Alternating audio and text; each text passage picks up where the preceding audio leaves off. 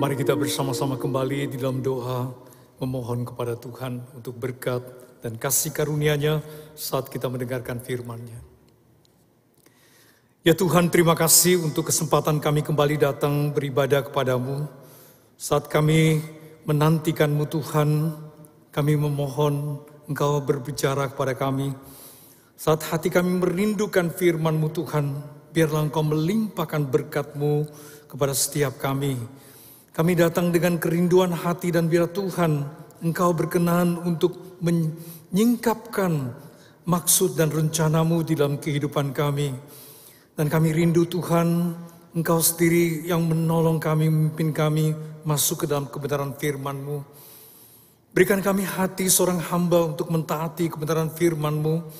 Saat kami mendengar seruan di sekitar kami, kami juga diberikan hati yang memberikan respon dengan kasih yang Tuhan berikan kepada kami untuk mengasihi mereka. Terima kasih Tuhan hambamu dalam segala keterbatasan dan kekurangannya. Biar Tuhan kau berkenan untuk berbicara melalui kuat kuasamu Tuhan di dalam urapanmu untuk menjadikan pemberitaan firmanmu saluran berkatmu. Kami berdoa dan kami berseru kepadamu Tuhan, demi nama Yesus Kristus Juru Selamat kami. Amin. Jemaat yang kekasih dipersilakan duduk kembali. Salam sejahtera untuk kita semuanya. Bersyukur untuk kesempatan yang sangat indah di mana kita kembali untuk beribadah kepada Tuhan. Senang sekali kesempatan yang baik ini kita dapat pakai untuk kita dapat bersama-sama datang dengan segala kerinduan untuk mendengar firman-Nya. Tema kita hari ini adalah misi Yesus adalah misi saya. Seperti apakah misi Yesus dan bagaimana misi Yesus itu menjadi misi saya?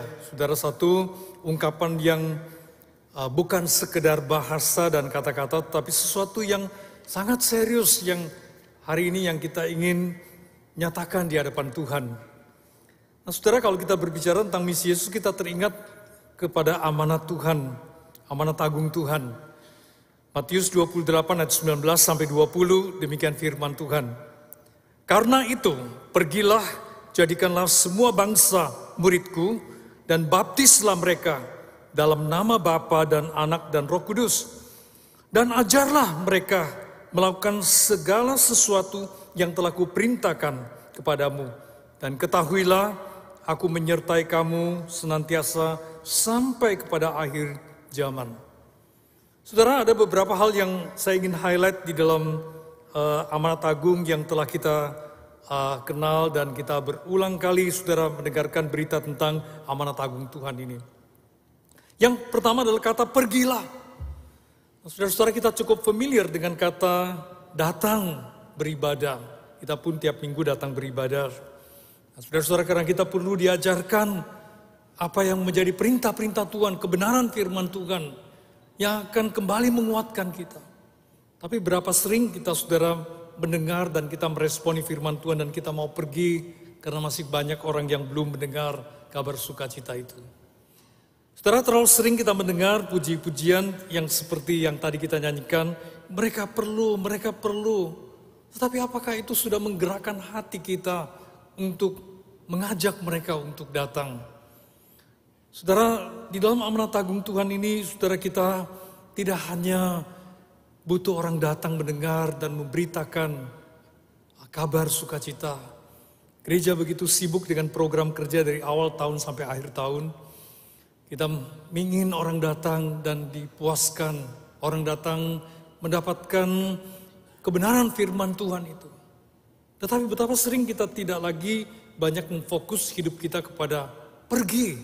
Ya, misi Tuhan tidak hanya minta mereka datang, tapi pergi untuk membawa orang datang kepada Tuhan. Nah, saudara, itulah misi Kristus di dalam hidup ini dan apakah hari ini saudara pada waktu kita katakan misi Tuhan adalah misi aku, kita sungguh-sungguh saudara menyadari kata come and go ini saudara. Kita come to worship, dan apakah kita berani go untuk membawa orang datang.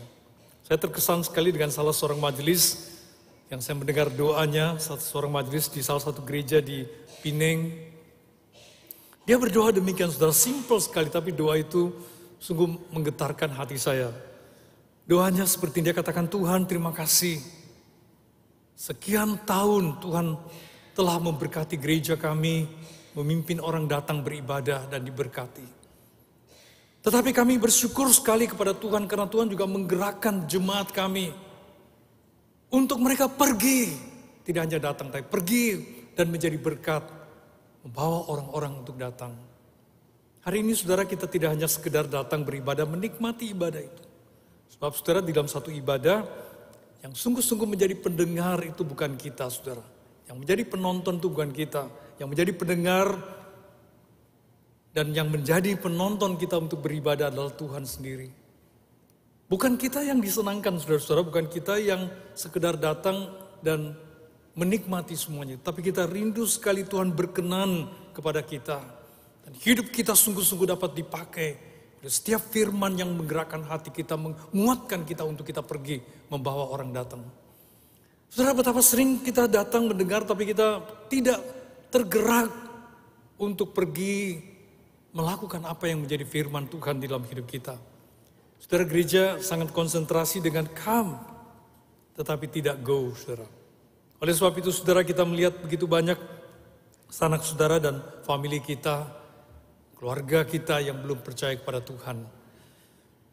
Saudara, kalau kita berbicara pergilah sampai ke ujung bumi, nah saudara kita sepertinya bukan misi kita ya. Kita pikirkan go itu terlalu jauh. Tapi saudara, sebenarnya di manakah ujung bumi itu saudara? Ujung bumi itu termasuk untuk kutub utara, kutub selatan. Ujung bumi itu barangkali di ujung kulon, saudara. Ujung bumi itu dari Sabang ke Merauke, saudara. Tapi semuanya itu kita pahami sebagai sesuatu yang terlalu jauh. Sebenarnya saudara ujung bumi itu kalau kita tahu bumi kita ini adalah bulat, saudara tentu kita tahu. Maka ujung bumi itu di tempat di mana kita berada itu juga ujung bumi, saudara. Orang-orang yang barangkali yang kita ingin jangkau adalah tetangga kita, saudara. Tidak usah di ujung bumi, tetangga kita itu juga ujung bumi, saudara ya. Sanak saudara family kita yang kita selama ini abaikan, barangkali bukan diabaikan, mungkin terlalu sibuk dalam kegiatan dan kesibukan kita, kita tidak merasa itu adalah suatu kesempatan bagi kita untuk menjangkau mereka. Saudara sering berbicara tentang amanat Tuhan, misi Tuhan, selalu kita kaitkan dengan tim misi yang bermisi ke daerah-daerah terpencil. Kalau kita bisa ikut tim misi, baru bermisi. Saudara itu benar sebagian salah lebih banyak saudara-saudara. Karena bermisi tidak hanya karena tim, bukan program. Bermisi itu adalah panggilan Tuhan untuk kehidupan kita saudara-saudara. Untuk membawa berita sukacita itu kepada dunia. Bermisi tidak hanya berarti kalau kita termasuk di komisi PI gereja. Atau barangkali terlibat di dalam secara aktif di dalam uh, PI pribadi. Sesuatu yang sehari-hari dalam kehidupan kita saudara-saudara dalam kesaksian hidup kita. Pemberitaan firman Tuhan, Injil keselamatan itu bisa disampaikan melalui berita yang orang lihat dalam hidup kita, saudara-saudara. Bukan berarti kita sempurna, saudara, tapi orang melihat pembaruan demi pembaruan, kesaksian demi kesaksian, pengalaman-pengalaman hidup kita, saudara, yang membawa kita, saudara, kepada satu komitmen dan orang melihat itu sebagai sesuatu yang luar biasa dalam hidup kita. Itulah berita-berita Injil. Berita Injil yang hidup melalui kesaksian hidup kita. Melalui tutur kata kita, melalui pembaruan-pembaruan yang terjadi dalam hidup kita sebagai umat percaya, saudara. Tetapi saudara-saudara, apakah menjadi respon kita? Kalau saya ingin bertanya dengan satu pertanyaan seperti ini, saudara. Apa yang paling menjadi keinginan dan harapan saudara dalam hidup ini sebagai orang Kristen? Kita sadar kita sebagai orang Kristen, kita sudah menerima anugerah keselamatan Tuhan. Kita tidak ragu untuk berdoa minta berkat Tuhan. Kita tidak pernah lalai untuk datang beribadah kepada Tuhan. Tetapi apa yang menjadi keinginan kita di dalam hidup ini dan harapan kita? Saudara kita pikir-pikirnya banyak ya. Yang menjadi keinginan dan harapan kita. Tidak habis-habis saudara ya. Dan sepertinya kita juga tidak pernah bosan-bosan minta kepada Tuhan Tuhan lindungi keluarga saya, Tuhan berkati keluarga saya, Tuhan anak saya seperti ini, Tuhan saya kepingin ini, kepingin itu. Dan saudara tidak pernah kita ragu. Tapi saudara kita tidak sadar bahwa sebenarnya di dalam hidup ini, Apa pun yang kita bisa persembahkan kepada Tuhan itu tidak pernah lebih banyak dari yang Tuhan berikan. Kita tidak perlu khawatir. Tuhan juga pernah berbicara tentang orang yang butuh pada zaman itu sudah 5.000 orang lebih dikatakan yang lagi lapar saudara. Murid-muridnya katakan suruh mereka pergi cari makanan sendiri. Tapi Yesus katakan tidak, kamu yang harus beri makan. Bukan suruh mereka pergi tapi kamu yang harus beri makan. Pengertian ini bisa berarti saudara-saudara bahwa betapa Yesus juga memberi perhatian, saudara. Tetapi itu bukan barangkali tujuan orang untuk mencari Yesus, saudara. Saudara, bagaimanakah kita, saudara, hari ini menerjemahkan misi Yesus itu atau memahami misi Yesus itu dalam hidup kita? Ini sesuatu yang sangat urgen dalam hidup kita, saudara. Kalau kita mengaku kita sebagai orang percaya dan sudah menerima keselamatan Tuhan, Seberapa urgennya hati kita saudara mengingat orang lain yang belum percaya. Saudara hari ini berlaku satu hal yang unik sekali di zaman ini dengan high teknologi saudara dalam gerakan jari tangan kita satu message bisa keliling dunia saudara ya. Saudara kita forward forward message itu tiap hari begitu banyak. Ada berita tentang bagaimana kesehatan dengan menggerakkan tangan, dengan gerakan tertentu, dengan pernafasan kita lebih awet muda barangkali. Kita lebih bisa sehat, Wah saudara kita tidak lupa saudara. Langsung forward ke teman-teman kita saudara. Saudara tidak ada salahnya saudara ya sesuatu yang baik kita sampaikan. Tapi apa yang terbaik dalam hidup kita? Apa yang paling urgen dalam hidup kita? Bukankah pengharapan itu yang kita sudah terima saudara? Tidak ada satu berita yang menyampaikan tentang pengampunan dosa. Tidak ada satu berita yang dapat menyelesaikan permasalahan hidup kita yang paling dalam dengan segala pergumulan yang paling dalam selain daripada Injil Tuhan yang menyatakan ada pengampunan dosa, ada pembaruan hidup di dalam hidup kita yang Tuhan dapat sang mengubah hidup kita. Mengapa message itu saudara kita tidak pernah forward saudara kepada orang-orang di sekitar kita? Bagaimana kita menerjemahkan saudara-saudara sesuatu yang begitu penting dalam hidup kita yang kita akan jadikan misi kita tapi justru kita tidak forward ke orang lain. Forward untuk semua orang ya, berita ini penting sekali ya. Ini tentang sesuatu yang mencegah kita untuk tertipu. Wah apalagi itu saudara ya. Kita forward saudara kepada sanak saudara family kita. Saudara kadang-kadang di dalam segala tindakan kita dalam hidup kita itu mencerminkan apa yang menjadi prioritas di dalam hidup kita ini saudara. Saudara mari kita dengarkan apa sebenarnya Yesus katakan ya di dalam satu pernyataan dia yang sangat khusus saudara. Saudara saya berulang kali membaca hal ini saudara saya coba memahami. Yesus berkata demikian kepada mereka, makananku ialah melakukan kehendak dia yang mengutus aku dan menyelesaikan pekerjaannya. Saudara ada dua hal yang penting yang Yesus katakan di sini adalah satu melakukan kehendak dia yang mengutus. Yang kedua, menyelesaikan pekerjaannya. Bukankah dua hal ini begitu penting jika Yesus sampai menyatakan hal itu? Tidak berarti bahwa makanan tidak penting bagi Yesus pada waktu Yesus menjadi anak manusia. Tetapi saudara-saudara, sama dengan kita saudara-saudara, ada hal yang kita tidak bisa abaikan dalam hidup kita. Nafkah, mata pencarian, kehidupan, dan kesejahteraan keluarga dan lain sebagainya sebagai tanggung jawab kita sebagai seorang yang diberi kesempatan di dalam kehidupan ini. Tapi lifespan kita itu short, saudara, singkat sekali. Saudara, saya sering akan menggambarkan demikian. 10 tahun itu hanya 10 kali hari Natal, saudara. Saudara nyanyi malam kudus, sunyi senyap 10 kali, 10 tahun berlalu dalam hidup ini, saudara. Ya saya bertemu dengan banyak tadi rekan-rekan yang sekian tahun yang lalu masih anak remaja, tapi sehari ini dia udah menjadi seorang ayah. Ya. Banyak di antara kita, banyak yang sepantaran sudah punya cucu banyak, saudara ya. Saudara saya menyadari bahwa waktu itu berlalu cepat sekali saudara dalam hidup ini. Ya kita hanya bangun tidur, tidur lagi saudara, sudah hari esok saudara ya. Tahun ini saja rasanya baru kemarin kita merayakan Natal saudara ya. Sekarang kita udah masuk ke September, saudara ya. Banyak hal yang kita lakukan, saudara, tapi tanpa kita sadar waktu itu berlalu.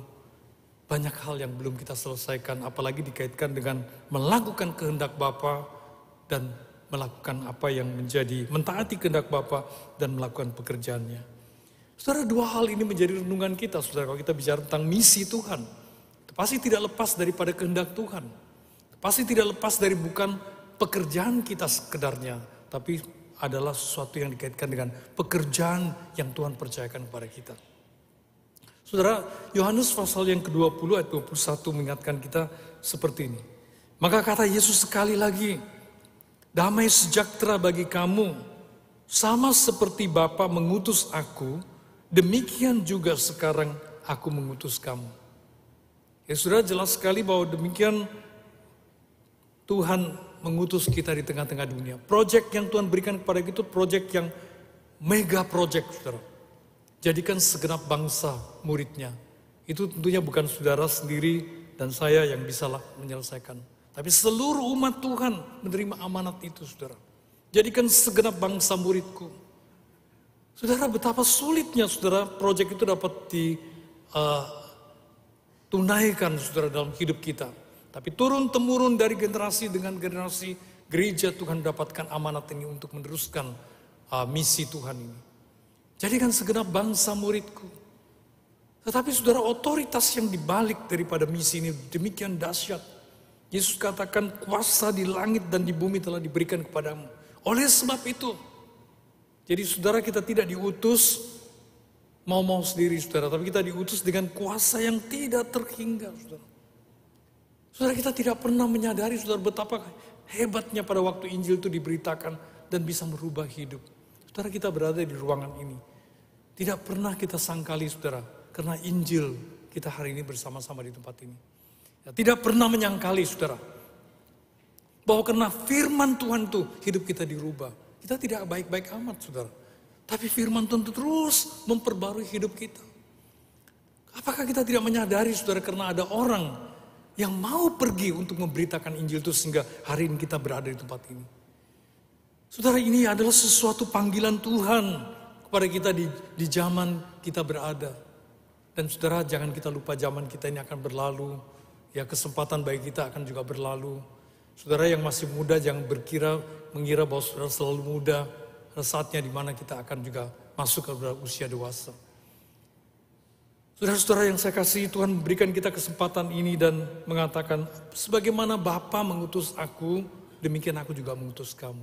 Saudara, bukankah ini satu hal yang serius sekali? Dan luar biasa sekali saudara misi Tuhan itu tidak hanya ala kadarnya. Yesus berkata dalam Yohanes pasal 14 ayat 12, Aku berkata kepadamu sesungguhnya barang siapa yang percaya kepadaku, barang siapa yang percaya kepadaku, ia akan melakukan juga pekerjaan-pekerjaan yang aku lakukan. Bahkan pekerjaan-pekerjaan yang lebih besar daripada itu. Sebab aku pergi kepada Bapa. Saudara pernah punya pengalaman ini enggak saudara? Waktu saudara memberitakan Injil sederhana sekali dengan bahasa saudara, lalu saudara menyaksikan orang yang mendengar Injil itu percaya kepada Tuhan. Saudara betapa itu satu pengalaman yang luar biasa saudara. Kalau saudara merindukan itu, ya nanti ada satu lagu yang kita nyanyikan, ku suka memberitakan Injil. Saudara, karena satu pengalaman yang tidak bisa dibeli, saudara. Tidak bisa ditukar saudara oleh pengalaman lain. Satu sukacita pada waktu saudara merasa hidup saudara telah menjadi berkat bagi orang lain yang belum pernah mendengar Injil Tuhan. Saudara kalau saudara selama hidup ini tidak pernah mengalami itu. Saudara mungkin firman Tuhan hari ini secara khusus berbicara kepada saudara karena misi Yesus adalah misi saudara. Dan kalau itu tidak menjadi pengalaman saudara, maka saudara kita tidak pernah dapat menyelesaikan tugas yang Tuhan percayakan kepada kita. Misi Yesus adalah misi Yesus. Sepertinya tidak ada hubungan dengan saya. Saudara, satu kali saya pernah terbang dari Guangzhou ke Shanghai. Satu perjalanan yang di mana tidak terlalu lancar, saudara. Karena terjadi turbulence yang sangat menakutkan, saudara. Turbulence itu bukan hanya goyang begini, tapi dia sampai goncang seperti ini, saudara. Saudara banyak minuman yang tiba-tiba uh, tersirat ya keluar, saudara. Saya kira itu adalah perjalanan terakhir dalam hidup saya, saudara. Karena hari itu tiba-tiba terjadi badai di tengah perjalanan dan berusaha pesawat itu akan berhenti di kota yang terdekat, saudara. Dalam kondisi yang sangat mencengkeram dan menakutkan itu, saudara, ada seorang pemuda duduk di samping saya, dia adalah seorang mahasiswa program S2, saudara, di salah satu sekolah tinggi yang ternama di Shanghai. Tiba-tiba sekali saudara, dia sekonyong-konyong out of the blue, dia bertanya demikian, dia katakan, apakah Bapak seorang Kristen? Oh, saya kaget sekali saudara. Saya bilang, ya.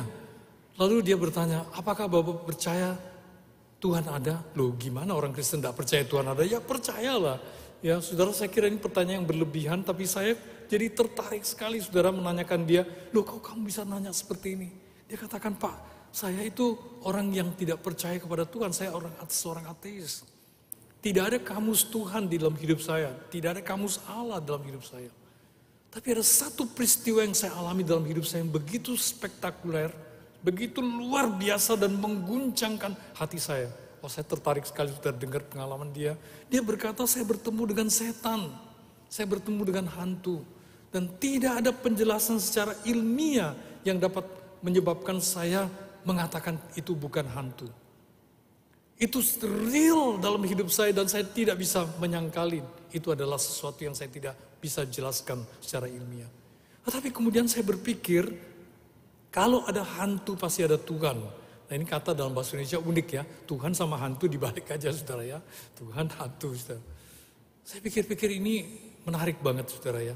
Dan karena dia bertemu dengan hantu, dia yakin bahwa ada Tuhan. Dia dia mulai curiga ada Tuhan saudara. Kadang-kadang saya berpikir kita menginjili orang itu susah amat ya bicara Tuhan sepertinya susah. Bicara hantu orang lebih tertarik barangkali ya saudara ya. Cerita-cerita itu lebih menarik. Saudara singkat ceritanya saudara perjalanan yang tidak lancar itu akhirnya kami selamat tiba di Shanghai setelah terbang dari kota lain. Satu kota kecil yang tidak uh, jauh daripada terjadinya badai itu saudara. Saya masih ingat kota itu namanya Changsa. Ya kota Changsa itu kita berhenti di sana dan terbang ke Shanghai. Setibanya di Shanghai, saudara kami sudah aman. Uh, dan dia bertanya, Bapak bisa berikan saya kontak number Bapak. Saya berikan dia nomor mobile saya di China waktu itu.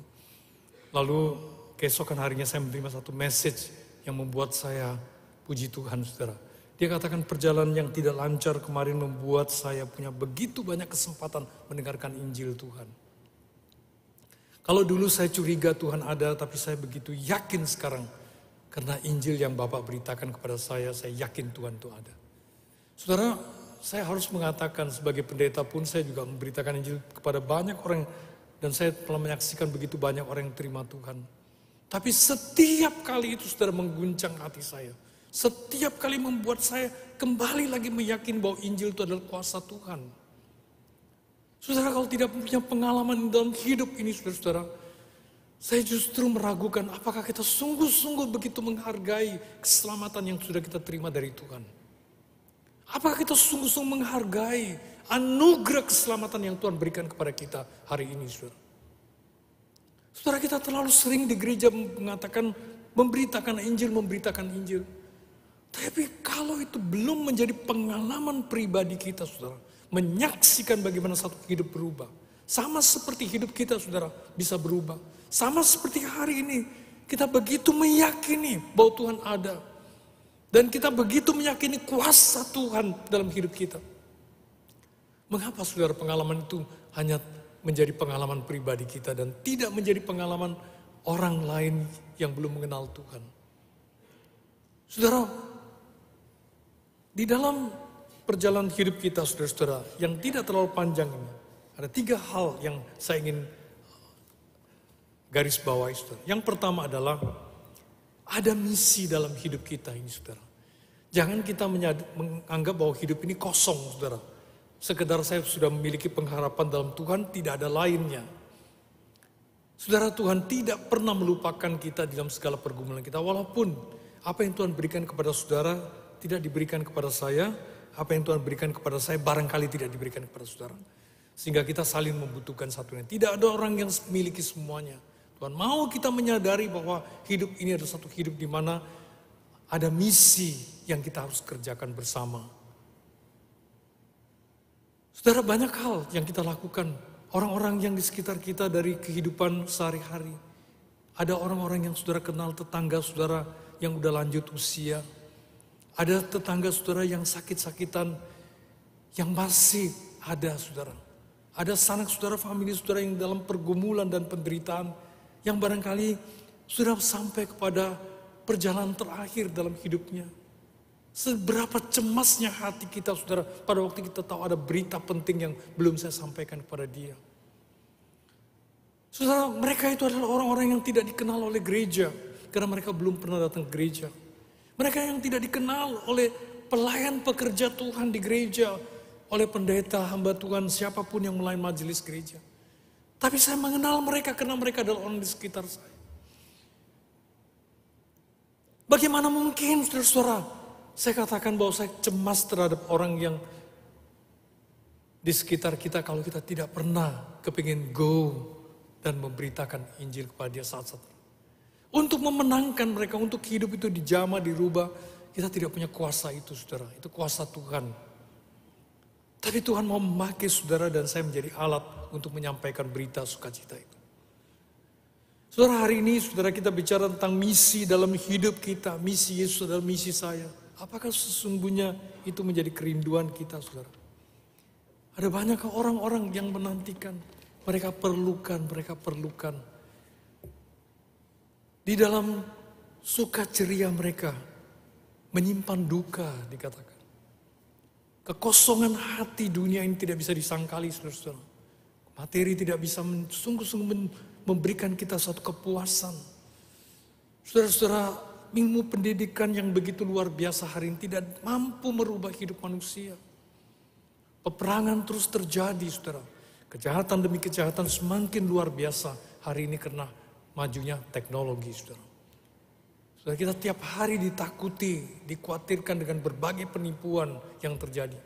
Itu membutuhkan dunia membutuhkan saudara sesuatu yang bukan sekedar materi.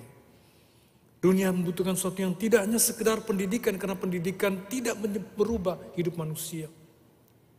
Kekosongan yang membuat manusia mencari tetapi tidak menemukan apa yang sebenarnya yang dia butuhkan. Yang tidak bisa dipenuhi oleh apa pun. Saudara dan saya memiliki berita yang sangat penting kepada dunia ini. Ada misi dalam hidup kita, saudara. Saudara pernah mungkin melihat pesawat yang sekecil ini, ya. Tapi saya yakin tidak banyak di antara saudara mungkin ada ya, yang pernah terbang dengan pesawat yang hanya memuat enam orang, saudara, di dalam pesawat. Saya punya pengalaman ini, saudara. Saya pergi mengunjungi dalam satu perjalanan misi saya ke satu daerah yang tidak bisa dijangkau oleh kendaraan darat dan tidak bisa dijangkau oleh pesawat terbang. Saudara, saudara orang yang di samping saya seorang pilot berkebangsaan asing, saudara. Dia lulus daripada institut penerbangan, saudara. Dia dapat memperoleh kehidupan yang lebih baik. Dia bisa menerbangkan pesawat besar kecil, no problem, saudara. Tapi saudara dia memilih untuk menerbangkan pesawat kecil dengan resiko yang lebih tinggi, dengan income yang sangat rendah, saudara. Tapi misi ini adalah sesuatu yang menjadi cita-cita hidupnya. Satu waktu dia kecil dia membaca dokter rimba, dokter misi, saudara, yang bermisi ke daerah-daerah pedalaman untuk mengobati orang yang susah. Dia rindu dengan pengetahuannya dia, dia bisa bawa banyak misioneri ke tempat-tempat yang terpencil yang tidak pernah terjangkau oleh manusia dengan perjalanan darat maupun laut. Saudara dalam perjalanan itu saya tertarik sekali menanyakan satu hal. Tapi saya nyesel banget saudara setelah saya nanya. Saya tanya kepada dia, saya katakan apa kira-kira yang menjadi cita-cita dia dan doa dia dalam hidupnya. Dia katakan saya rindu satu hari saya menerbangkan pesawat dan Tuhan panggil saya pulang ke surga. Waduh saudara, ini satu hal yang mengejutkan sekali. Saya bilang mudah-mudahan jangan hari ini ya. Saudara-saudara, karena saya persis duduk di sebelah pilot ini saudara. Saudara, tapi inilah prioritas di dalam hidup.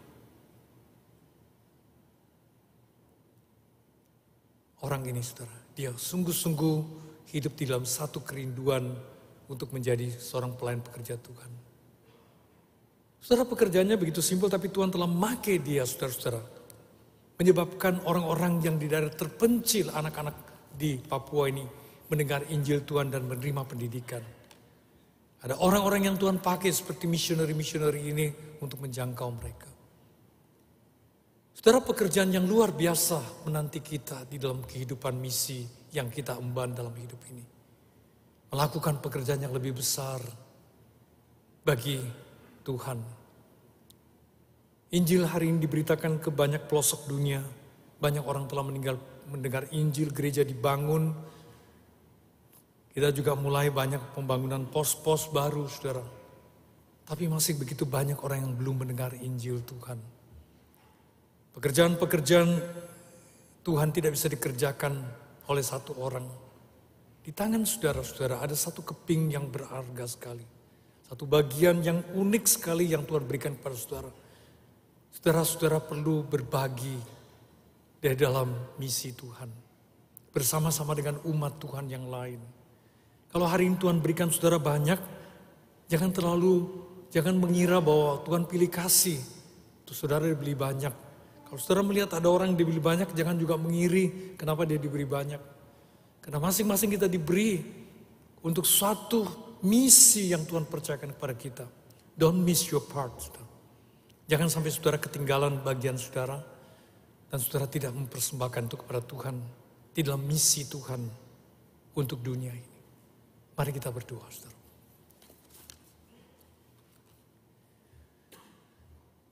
Ya Tuhan, terima kasih untuk firman-Mu.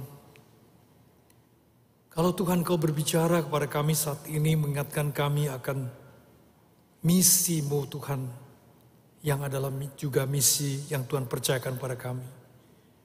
Berikanlah kami hati yang taat dan menghargai semua kesempatan, fasilitas, dan segala yang Tuhan berikan kepada kami untuk kami pakai di dalam menunaikan panggilan-Mu dalam hidup kami yang singkat ini.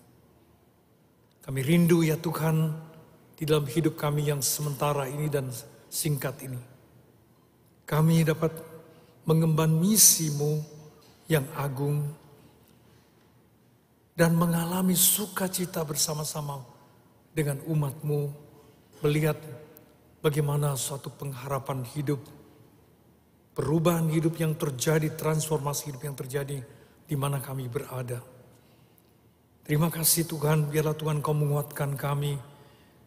Kami tidak pernah kecewa dengan keberadaan kami, kami tidak pernah putus asa dengan kesulitan kami. Karena apa pun yang kami alami, ada kuasa yang berjanji akan menopang kami karena engkau mengutus kami dengan kuasa, segala kuasa di langit dan di bumi. Kami bersyukur Tuhan kami berbagi di dalam pelayanan misimu dengan umatmu yang lain. Kami berdoa dan kami bersyukur demi nama Yesus Kristus, Juru Selamat kami. Amin.